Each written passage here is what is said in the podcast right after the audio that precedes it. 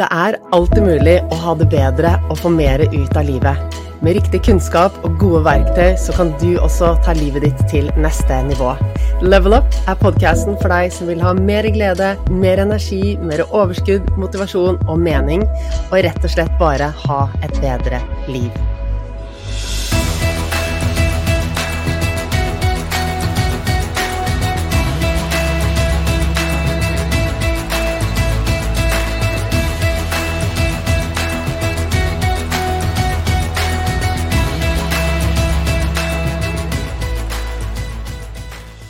Det er lov å la det være opp til tilfeldighetene om ting blir bra eller ikke, om ting blir sånn som vi ønsker at de skal være. Det er lov å la det være opp til tilfeldighetene om vi eh, kommer til å leve et liv vi er tilfreds med eller ikke. Eller vi kan sette oss i førersetet, ta action, finne ut av hvordan vi vil ha det, og gjøre en innsats for at ting blir sånn. Og jeg vet jo at siden du er her og har lyttet til de tidligere episodene, så er du nok med på tankegangen om at livet er mye mer tilfredsstillende når vi setter oss i førersetet, finner ut av hvordan vi vil ha det, og gjør en innsats for å komme dit. Så livet blir mer tilfredsstillende. Det handler ikke om å komme hit eller dit, eller få det perfekt. Det handler om at vi tar makt i vårt eget liv, at vi tar action, at vi bestemmer oss for hvordan ting skal være, at vi har en intensjon, at vi, et, at vi tar et valg, og vi bestemmer oss.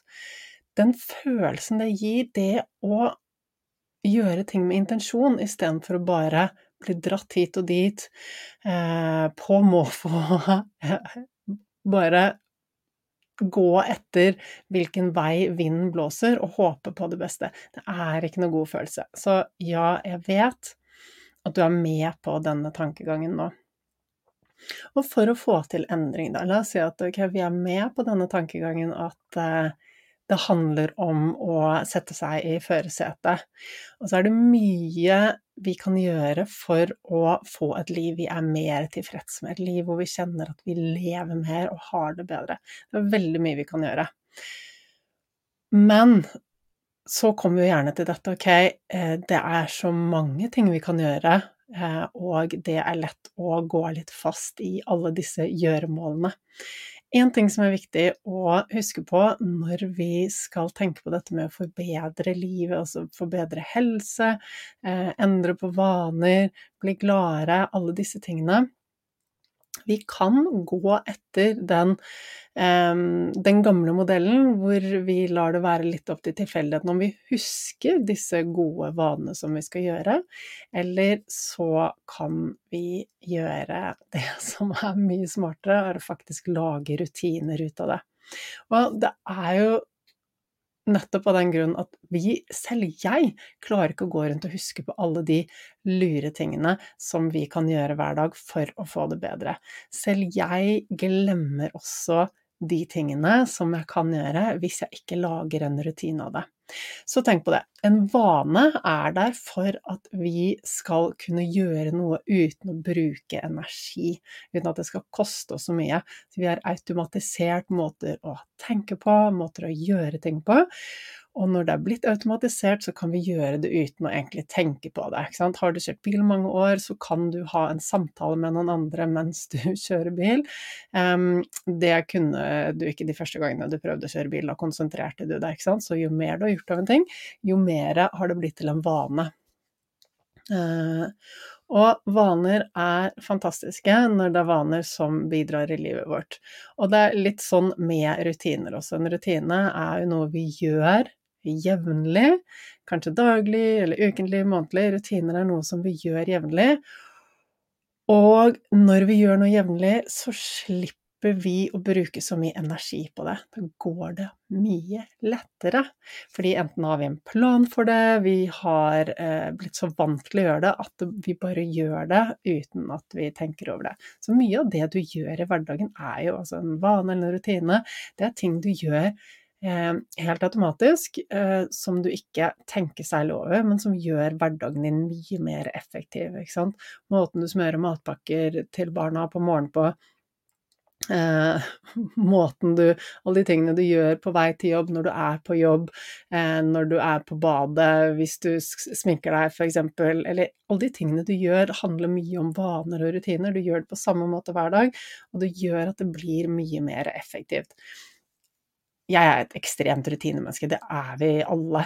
Um, og jeg er veldig bevisst på hva jeg bruker tiden og energien min på. Jeg vet at hver gang jeg skal gjøre noe som er utenom de vanlige rutinene mine, så krever det litt ekstra. Bare en så enkel ting som ok, jeg har eh, i skapet mitt på badet, så har jeg en, en, ansiktsmaske som du skal ta på i tre steg, tror jeg. Um, og den har jeg ikke brukt før. Og når prosedyren er så lang at det er tre steg, og det er tre bruksanvisninger, og det er liksom sånn det, de skal blandes, og så skal man gjøre sånn, og så skal man ta det på, og så skal det være så og så lenge på det, det, blir litt for mye.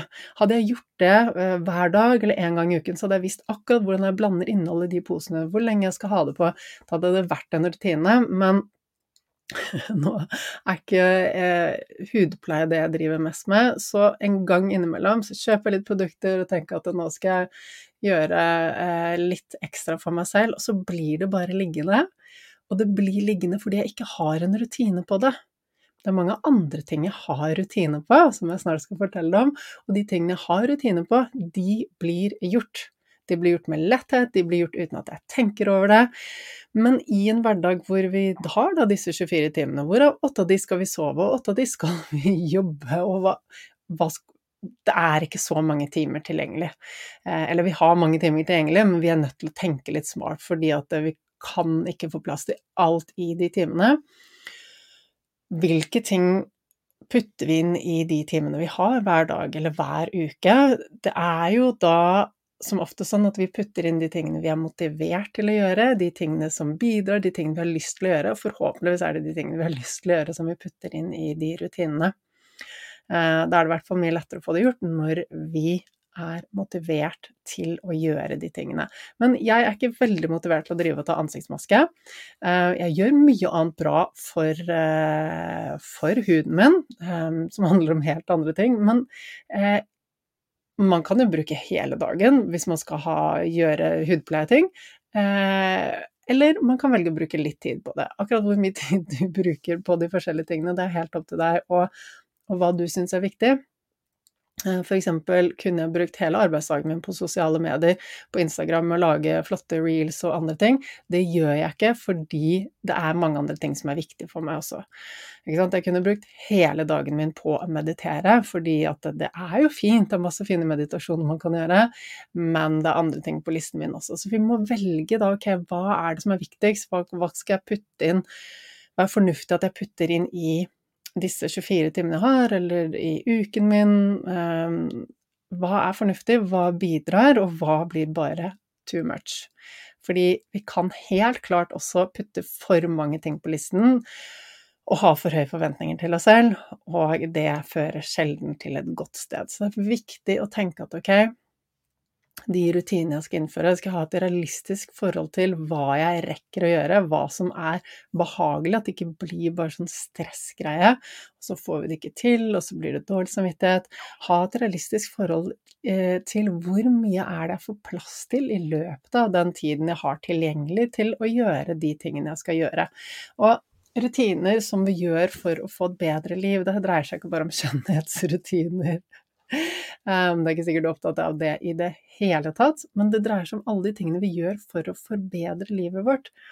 Og eh, vil vi ha eh, bedre helse, vil vi eh, komme i bedre form, vil vi ha det bedre, så trenger vi å innføre noen rutiner som er de tingene som bidrar til at ting blir bedre, at vi utvikler oss, at vi får inn den læringen eller det kostholdet, det tankesettet, den tingen som vi har lyst til å eh, få mer av i livet vårt, den trenger vi å repetere. Det er jo ikke sånn Når jeg tar ansiktsmaske to ganger i året, så bidrar ikke det så veldig mye. Jeg er klar over det.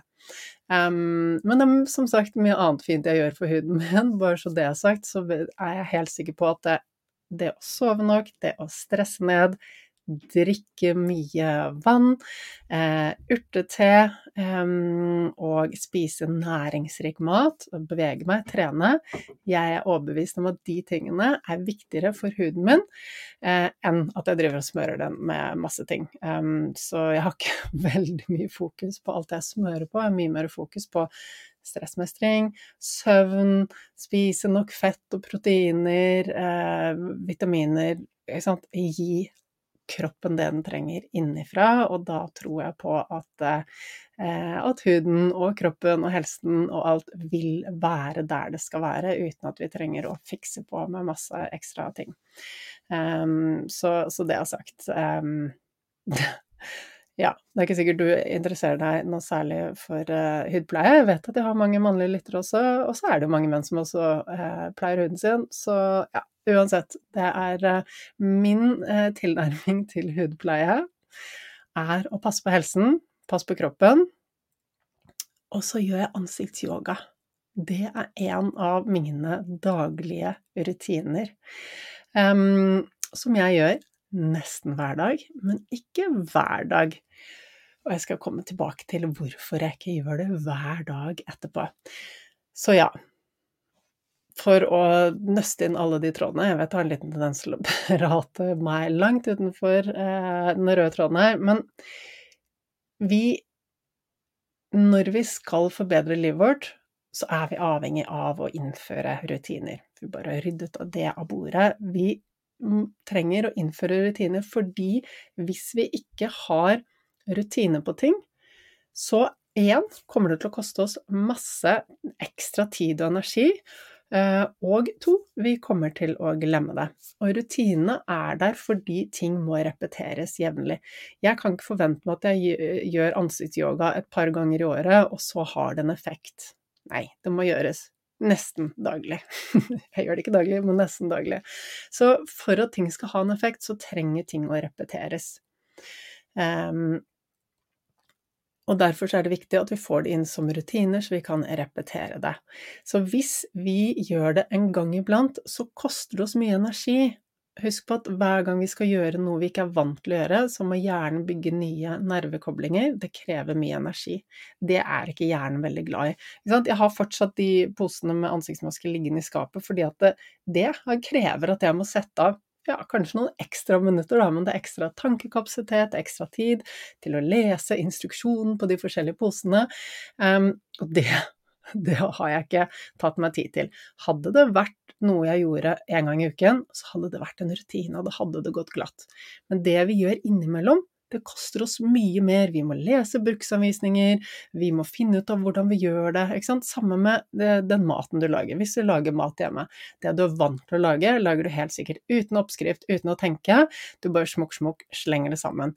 Skal du lage en ny rett, så er det som oftest sånn for de fleste av oss at vi i hvert fall sjekker um, oppskriften. Jeg er jo verdensmester på å ikke lese oppskriften og bare prøve meg frem. Um, men det krever mer å gjøre noe nytt, en ny rutine, en ny vane. Det krever ekstra energi, ekstra mental kapasitet, ekstra tid. Så hvis vi da tenker at å, ja, å, det er fint å gjøre ansiktsyoga, å, i dag kan jeg gjøre det. Eller å, det er fint å gjøre en morgenmeditasjon, oi, jeg kan gjøre det. Eller oi, en sellerijus, ja, det er fint, og så kan jeg lage det. Det kommer til å kreve enormt mye av oss, og fokuset vårt kommer bare til å gå hit og dit, fordi vi oi, tar imot en idé, og så gjør jeg det, og så kommer det en idé her, og så gjør jeg det da kommer vi til å bruke så mye av vår kapasitet på å bare eh, få til disse tingene at det er ikke en veldig effektiv måte å få gode resultater på. Er du med meg? Jeg vet du vil ha gode resultater eh, med minst mulig innsats når det gjelder tid og energi, og da handler det om å være smart og lage gode rutiner. For skal du forsøke å gjøre litt her, litt der, og en god idé der, og du ikke er vant til å gjøre det, så krever det mye av deg.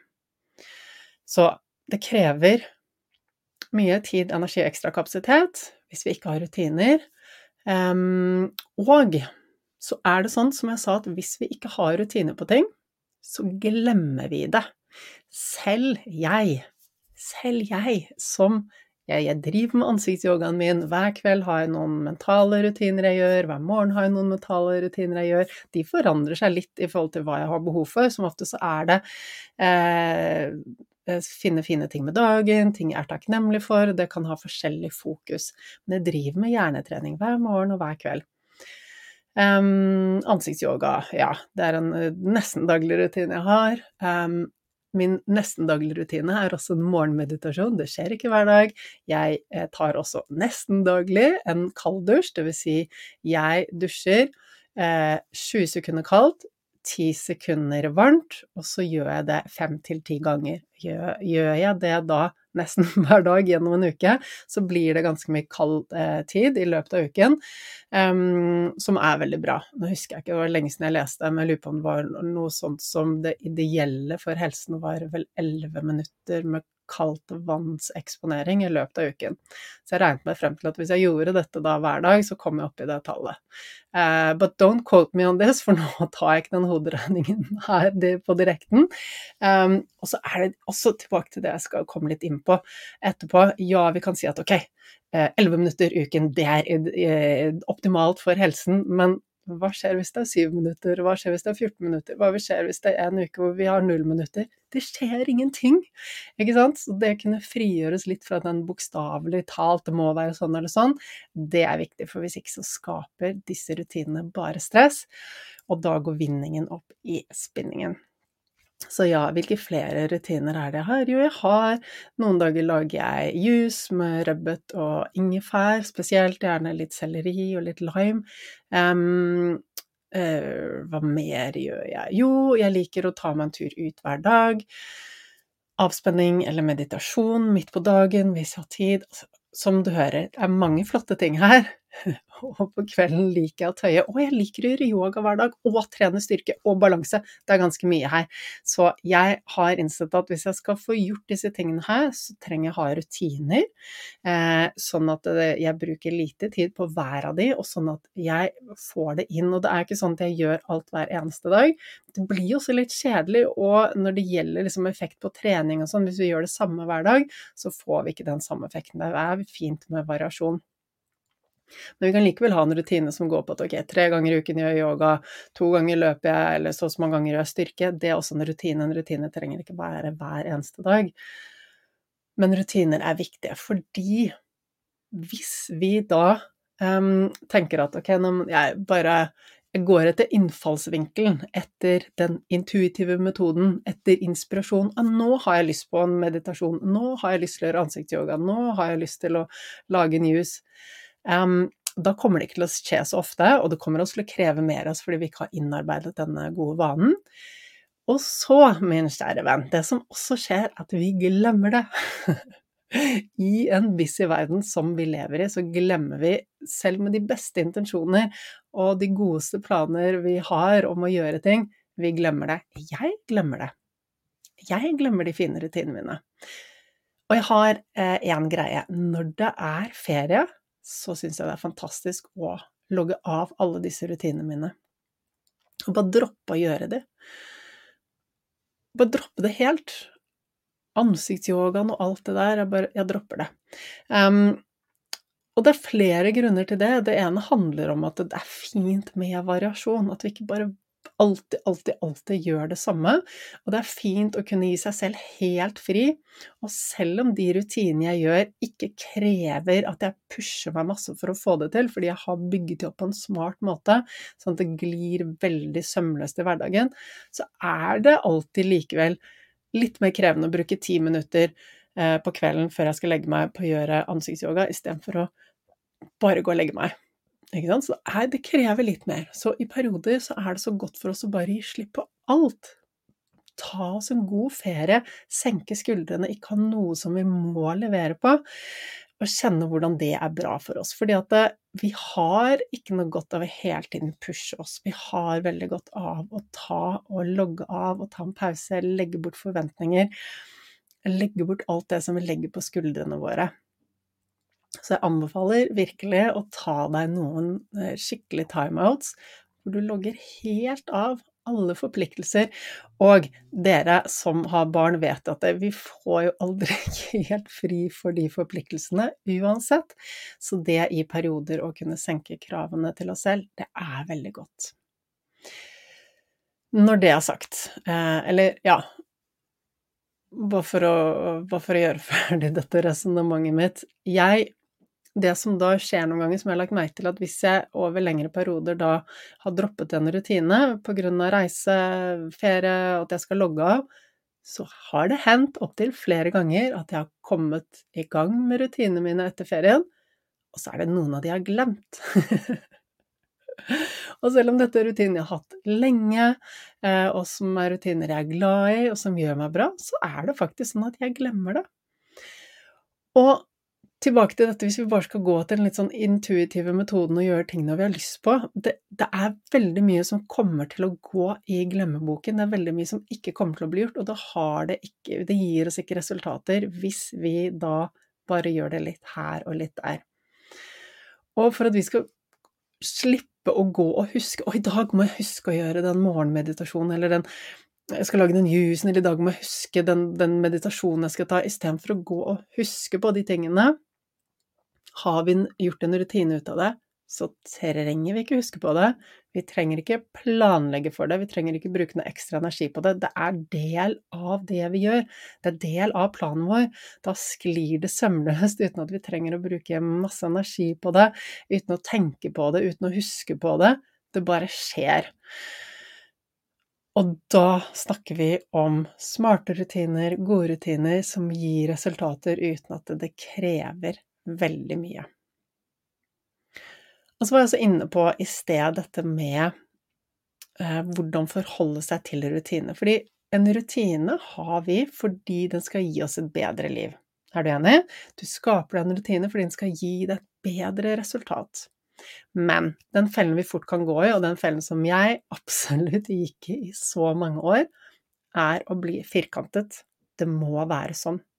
Enten så må jeg spise sånn og sånn hver dag, eller jeg må legge meg på det tidspunktet, eller jeg må gjøre den meditasjonen. Eller jeg må følge syklusen min til punkt og prikke, spise etter syklusen, trene etter syklusen, eh, meditere etter syklusen, alt etter syklusen. Og hvis jeg ikke gjør dette 100% så er det krise. Er du med meg? Det er ikke sikkert du eh, er der i det hele tatt, men jeg var der før, så var det helt bokstavelig for meg at jeg måtte gjøre en ting.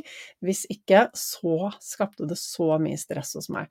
Jeg hadde sant, øvelser jeg gjorde eh, på kvelden før jeg skulle legge meg, eller på morgenen, det var matrutiner altså, Det var så mye rare greier som jeg gjorde før, da jeg var yngre, og var veldig, veldig fastlåst i hodet mitt. Og jeg lagde så mye stress hvis det ikke ble på den måten.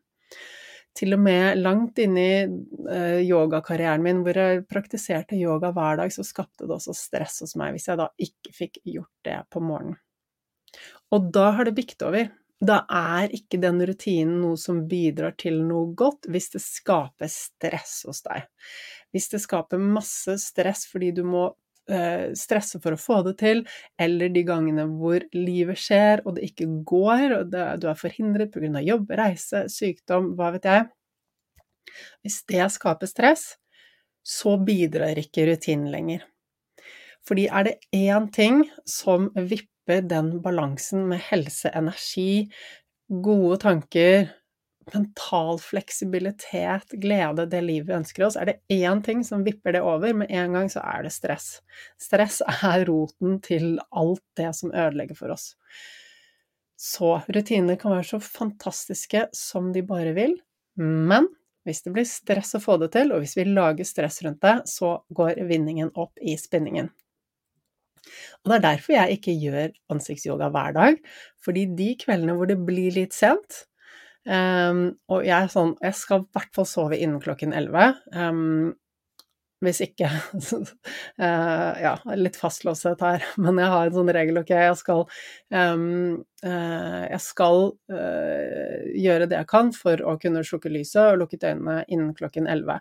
Og hvis da klokken eksempel er rett før elleve hvor jeg går på badet og pusser tennene og sånn, så vet jeg at det tar litt tid å roe meg ned, det tar alltid litt tid før jeg sovner, Da hopper jeg over ansiktsyogaen fordi jeg vet at søvn er viktigere. Istedenfor at jeg skal stå der på badet og gjøre disse øvelsene, så dropper jeg det. Har jeg tidlig møte, så kanskje dropper jeg morgenyogaen eller meditasjon, eller er det et eller annet som skjer, så dropper jeg rutinen min fordi jeg ikke vil lage stress rundt det at jeg må få det til.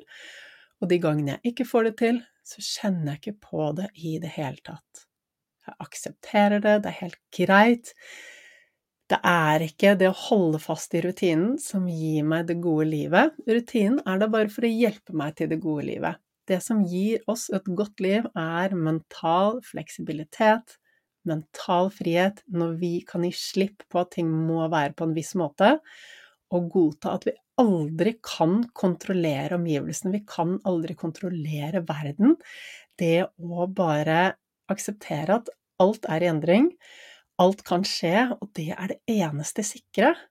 Når vi kan lande i det, da har vi total frihet. Og inntil vi er der, så kan vi ikke snakke om frihet.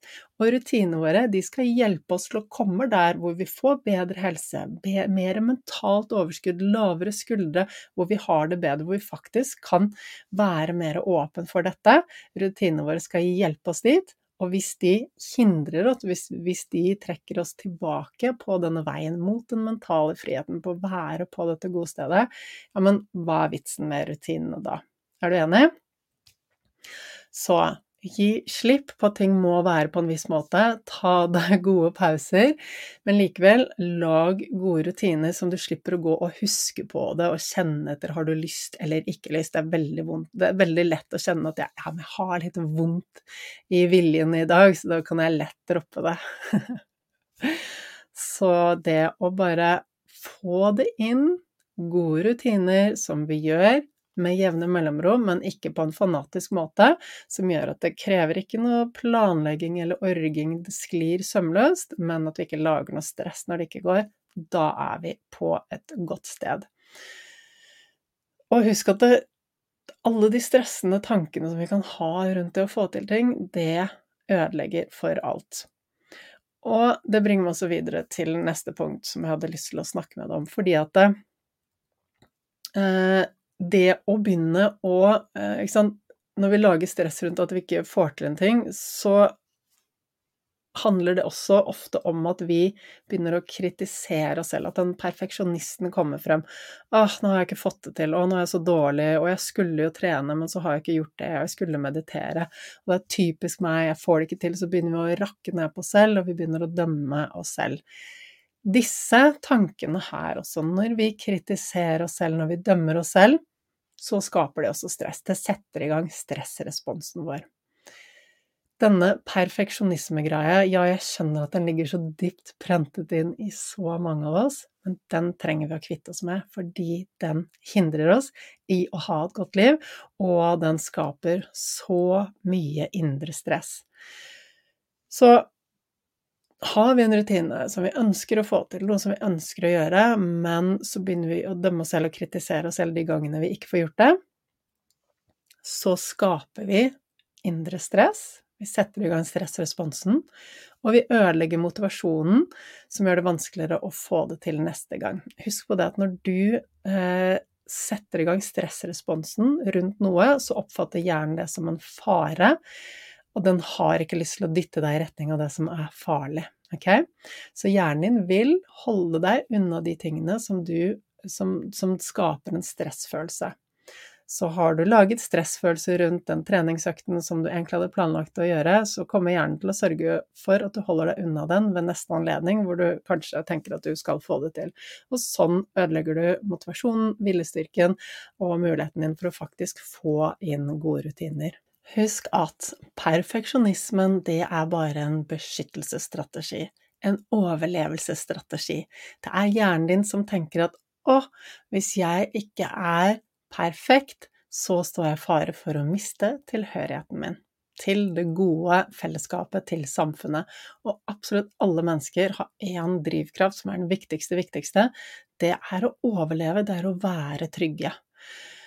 Og hjernen din tror at du er trygg når du får anerkjennelse og aksept, og den tenker at bare jeg er mer perfekt, så vil jeg i hvert fall få det, og da vil jeg være trygg. Dette eh, problemet gjelder så å si de fleste. Med mindre du står veldig stødig i deg selv, så er perfeksjonisme en utfordring for deg på et eller annet nivå. Jeg har vært borti noen mennesker som virkelig har hatt så mye trygghet og kjærlighet gjennom oppveksten sin at de står utrolig stødig i seg selv og vet at de er trygge. Og resten av oss, vi sliter med følelsen av utrygghet fordi vi tror vi ikke er bra nok, og vi gjør alt for å være bedre for andre. Og da kommer denne indre kritikeren, det at vi dømmer oss selv, det kommer rett og slett fordi den tenker at hvis jeg bare pisker deg til å bli litt bedre, litt mer perfekt, da vil du være trygg. Men det vil jo aldri skje. Fra naturens side så er det umulig å være perfekt. Hva er egentlig det perfekte?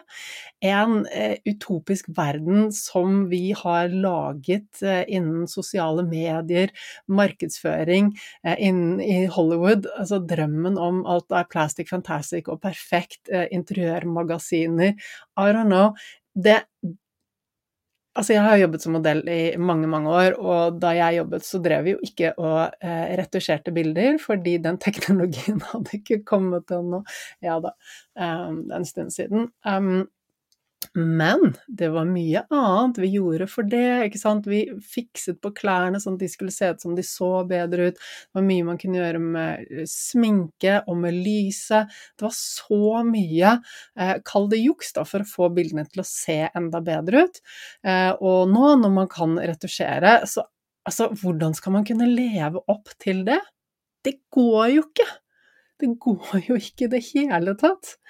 Så ja, den perfeksjonismen, den trenger vi å legge bort. Og jeg vet, jeg vet at for de fleste av dere så er dere kanskje klar over at dere dømmer dere selv og kritiserer dere selv, og at dere ikke er så lykkelig eh, som dere burde vært. Um, kanskje ikke står så stødig som du burde ha stått i deg selv. Kanskje du blir veldig påvirket av hva andre tenker om deg, eller det du tror at andre tenker om deg. Husk at vi har en sånn tendens til å eh, legge intensjoner hos andre, og de tenker sikkert det og det om meg, og vi tenker som oftest at andre tenker dårlig om oss, ikke sant?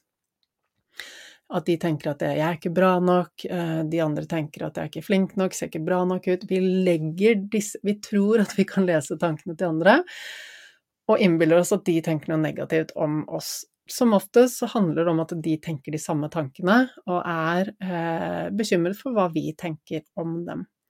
De fleste av oss har en utfordring med det at vi ikke føler oss bra nok, ikke føler oss verdifulle nok, at vi ikke står stødig nok i oss selv, og dermed så kritiserer vi oss selv, dømmer oss selv, rakker ned på oss selv, og så vi, vi kan ikke være lykkelige når vi kritiserer oss selv. Det går bare ikke. Vi kan ikke bli lykkelige før vi blir glad i oss selv, før vi skjønner at vi er nok, før vi bygger selvfølelse og bygger indre styrke. Når vi føler at vi er mindre verdt enn andre, så vil vi, som jeg sa i sted, tenke at alle tenker at vi er mindre verdt, dårligere eller mindre intelligent eller mindre pen eller hva det er. Følelsene våre vil svinge alt ettersom hva som skjer rundt oss. Får vi noe ros, så blir vi glade. Eh, får vi kritikk, så blir vi veldig lei oss. Er det noen som ser på oss, så tolker vi det som at det er noe galt med oss. Så følelsene våre vil svinge veldig ut ifra hva som skjer rundt oss. Det vil si at vi legger makten i vårt liv i hendene til andre. Når vi har lav selvfølelse, så stoler vi ikke på at vi selv er bra nok. Vi ender opp med å sammenligne oss hele tiden. Eh, vi ender opp med å bli veldig sjalu, misunnelige på andre tenke at det andre er bedre, og tenke at ja, men jeg kommer først til å ha det bra når jeg ser ut som den personen, eller har de samme klærne som den personen, eller har det samme huset eller den jobben. Når jeg kommer dit, så kommer jeg til å bli lykkelig. Men det er ikke sant. Det som skal til for at du er lykkelig, er at du begynner å tenke bra om deg selv og snakke bra om deg selv. Det som skal til for at du blir lykkelig og har et godt liv, handler om at du rydder opp på innsiden, bygger indre styrke, robusthet, selvfølelse og selvtillit. Det handler ikke om det som er rundt deg. Og med mindre du gjør den jobben og bygger det opp fra innsiden, så kommer du ikke til å bli lykkelig, og du kommer ikke til å komme dit hvor du fortjener å være. Da kommer du til å fortsette å være stuck i et mentalt fengsel hvor du styrer ut ifra frykt og bekymring og irritasjon og frustrasjon og blir trigget av det ene og det andre, følelsene svinger, og du rett og slett ikke har noe bra. Det er ikke et liv jeg ønsker for noen. Been there, done that. Har ikke lyst til å gå tilbake, og jeg har heller ikke lyst til at du skal være deg. Og det er min viktigste intensjonen med denne podkasten er å lære deg mer og mer rundt disse tingene. Og med kurset mitt, uh, online-kurset mitt MyBoost, også den viktigste intensjonen der er å bringe denne livsforvandlende kunnskapen videre. Der går vi i dybden jeg kan gi deg masse, masse på disse podkastene, men jeg får likevel ikke tatt deg gjennom hele den prosessen, fordi eh, den er litt krevende. Det er I kurset så er det veldig mange lydspor som programmerer om underbevisstheten din. Det er mange oppgaver, det er mye kunnskap, det er mye du skal gjennom når du går kurset. Du som har vært gjennom kurset, du vet det. Og da skjønner du også at det er det ikke plass til i en podkast. Og så trenger jeg også noe å leve av jeg tjener ikke noe på podkasten, jeg lever av å holde kurset. Så et sted må jeg også hente, hente det jeg trenger for å betale mine regninger. Men jeg føler meg så, så utrolig, utrolig heldig og takknemlig som får lov til å hjelpe så mange til å ha det bedre, bygge seg opp fra innsiden, kjenne at de endelig kan leve, istedenfor å bare overleve. Og det gjør at jeg er motivert nesten hver eneste dag. Ikke hver dag, da. Ok. Uh, det er mye jobb. Det er kjempemye jobb. Det kan høres ut som det er en drømmeverden, og det er en drømmeverden fordi jeg gjør virkelig Føler at jeg gjør en forskjell og når ut og, og kan følge drømmen min, men jeg lover deg at det er krevende det er skikkelig, skikkelig krevende. Det er mye jobb, men ja, det er, eh, det er veldig eh, rewarding. Og når jeg får tilbakemeldingene fra alle dere som går på kurset, og dere også som hører på podkasten, de tilbakemeldingene, det er det jeg lever for. Fordi uten det så hadde ikke jeg visst hvor godt det funket, og det er det som gir meg motivasjon. Når jeg ser resultatene dere har, så får jeg også lyst til å fortsette å gjøre denne jobben. Det er resultater som driver meg, mine egne resultater og dine resultater. Har vi ikke resultater, så må vi begynne å tenke annerledes og gjøre ting annerledes fordi vi har lyst på resultater. Det vet jeg du også har lyst på. For at du skal få resultater, så er det å få inn gode rutiner i hverdagen helt, helt, helt nødvendig. Jeg har flere andre episoder hvor jeg snakker om motivasjon uh, for å få til disse endringene, og jeg lover å lage flere episoder om det også. Jeg kan ikke putte alt inn i én episode. Men la oss bare rydde det unna. Du, for at du skal ha resultater, så trenger du gode rutiner. Du trenger ikke gjøre det hver dag, men eh, hvis du bare følger lysten eh, og husken, om du husker det, og så får du ikke resultatet. Skal vi gjøre noe eh, og få til endring, så må det repeteres over tid. Det som er veldig lurt å gjøre, som jeg også gjør når jeg skal få inn noen rutiner, er at jeg legger de oppå eh, en vane, rutine, som jeg har fra før. Fordi at det, da skal jeg jo innom det punktet på dagen, og da slipper jeg å gå og huske på det. For eksempel på kvelden, som jeg sa til deg, når jeg pusser tenner, da gjør jeg også ansiktsyogaen min. Jeg pusser tennene mine hver kveld, og da er det lett å huske når jeg står på badet med tannbørsten, så er det sånn ok, nå er det ansiktsyogatid. Um, så tenk på smarte tidspunkt på dagen hvor som du er innom hver eneste dag. Du ligger i sengen hver eneste morgen. Um, du legger deg hver eneste kveld, nesten, eller hver morgen hvis du jobber uh, nattevakt. Men du legger hodet ditt på puten på et eller annet tidspunkt, og du står opp av sengen på et eller annet tidspunkt, du pusser tennene, eh, du dusjer, du Ja, hva vet jeg, du går ut av døren på vei til jobb. Du har faste ting som du gjør så å si hver dag. Legg disse nye rutinene dine i nærheten eller oppå en av disse uh, vanene, sånn at uh, du slipper å huske på det. Du slipper å liksom bruke ekstra kapasitet, fordi at det allerede er en del av den daglige planen. Det kaller vi vanestacking, rett og slett. Bare se for deg at du bøker som du stabler oppå hverandre, og hver av disse bøkene er en eller annen smart vane eller rutine som du har lyst til å få inn. Da blir det veldig enkelt. Å, en ting til som er et godt tips også. Når jeg legger barna som jeg gjør de fleste dager. Da sitter jeg inne hos de, vi prater om det som har vært fint med dagen og sånn da gjør jeg bekkenbunnsøvelser. Det er et fast halvpunkt på min dag. Gjør jeg det hver gang? Nei, noen ganger er jeg så trett at jeg bare sitter der. Men jeg gjør det de fleste dagene, og da gir det resultater. Hadde jeg gjort det en gang innimellom, når jeg husket på det, så hadde det ikke gitt de samme resultatene.